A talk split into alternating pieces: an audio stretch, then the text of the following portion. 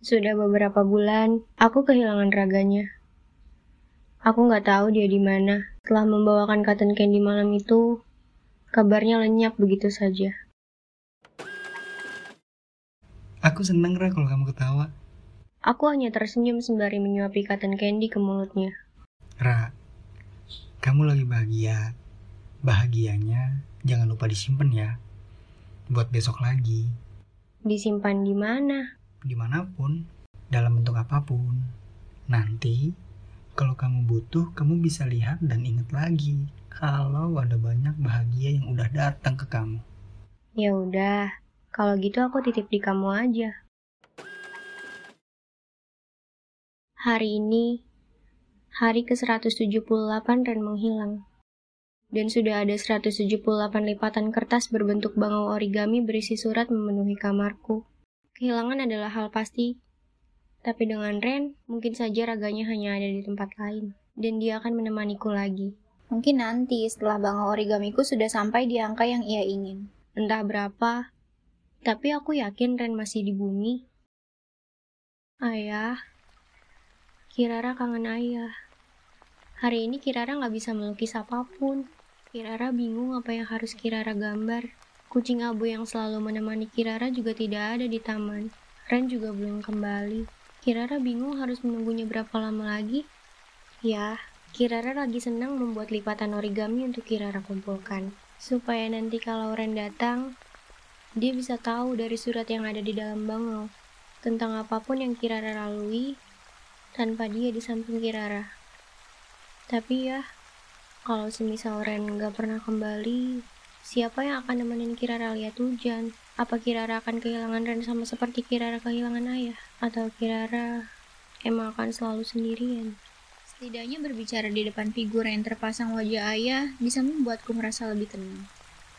Meski hanya sebentar, aku nggak tahu sehabis ini akan ke mana. Rasanya semua isi bumi sama saja. Makam ayah adalah tempatku bertemu dengan Ren untuk pertama kali. Hari itu, dia sedang mengunjungi makam tantenya dan tidak sengaja melihatku kerepotan dengan bunga yang ingin kususun. Aku sempat menolak bantuannya, karena bagaimanapun hari itu Ren adalah orang asing. Aku bantu ya, biar selesai lebih cepat. Sebentar lagi hujan. Nggak ada masalah sama hujan.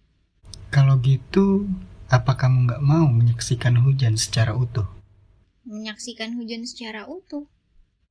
Iya, setelah kamu menyelesaikan ini ya.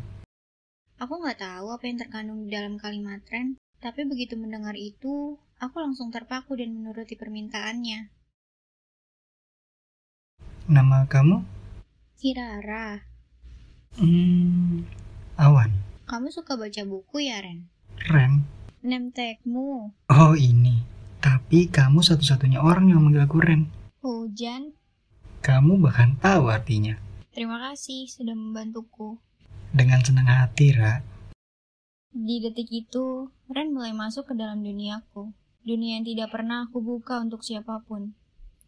Sebab aku terlalu takut kalau ternyata kehilangan yang akan datang. Tapi, entah kenapa dengan Ren, perasaan itu hilang. Aku begitu berani dan percaya untuk membiarkannya menetap. Setelah beberapa bulan mengenal Ren, ia tidak pernah melewatkan waktunya untuk menemaniku melukis di taman. Ia juga selalu mengantarku ke makam ayah. Ren bahkan tahu banyak hal kecil dalam diriku. Bersama Ren, aku kembali bisa melihat bahagia secara utuh dan kembali merasakan hujan dengan senang. Sebab Ren adalah celah dari bagian yang telah lama hilang. Kamu kenapa nggak pernah gambar aku sih, Ra? Aku nggak bisa gambar makhluk yang banyak bergerak. Ya udah, aku diam. Tidak pantas. Janji sama aku ya, Ra. Kamu jangan menangis. Untuk apa? Supaya indahnya hujan tidak ada yang mengalahkan. Ren, ayah juga pernah bilang gitu ke aku. Dan yang membuatku menangis justru dia. Malam itu, setelah hujan menyisakan gerimis, Aku terbangun dari tidur karena mendengar suara cangkir yang terjatuh. Kupikir tadinya aku sedang bermain di alam mimpi. Saat menyaksikan raga yang begitu hangat berubah kaku dan dingin. Tapi ternyata Itu adalah bagian dari yang sudah terencana. Sekejap duniaku hancur. Aku seperti berjalan dengan satu kaki. Aku bahkan gak tahu harus menangis pada bagian mana lagi. Karena sudah terlalu banyak air mata yang aku keluarkan. Aku bingung Ren harus mencarimu ke mana. Aku bahkan gak punya petunjuk apa pun mengenaimu. Aku begitu egois hanya membiarkanmu untuk mengetahui isi-isi duniaku tanpa aku melakukan hal yang sama kepadamu. Maaf aku baru mengirim pesan ini. Begitu membuka ponsel, namamu langsung menarikku. Aku yakin kamu orang yang selalu datang ke mimpiku. Besok kita ketemu di Taman Matahari ya, jam 3 sore. Sampai jumpa Kirara. Pesan itu seperti cahaya di tengah gelap jalan yang aku lalui. Kita akan bertemu lagi, Ren.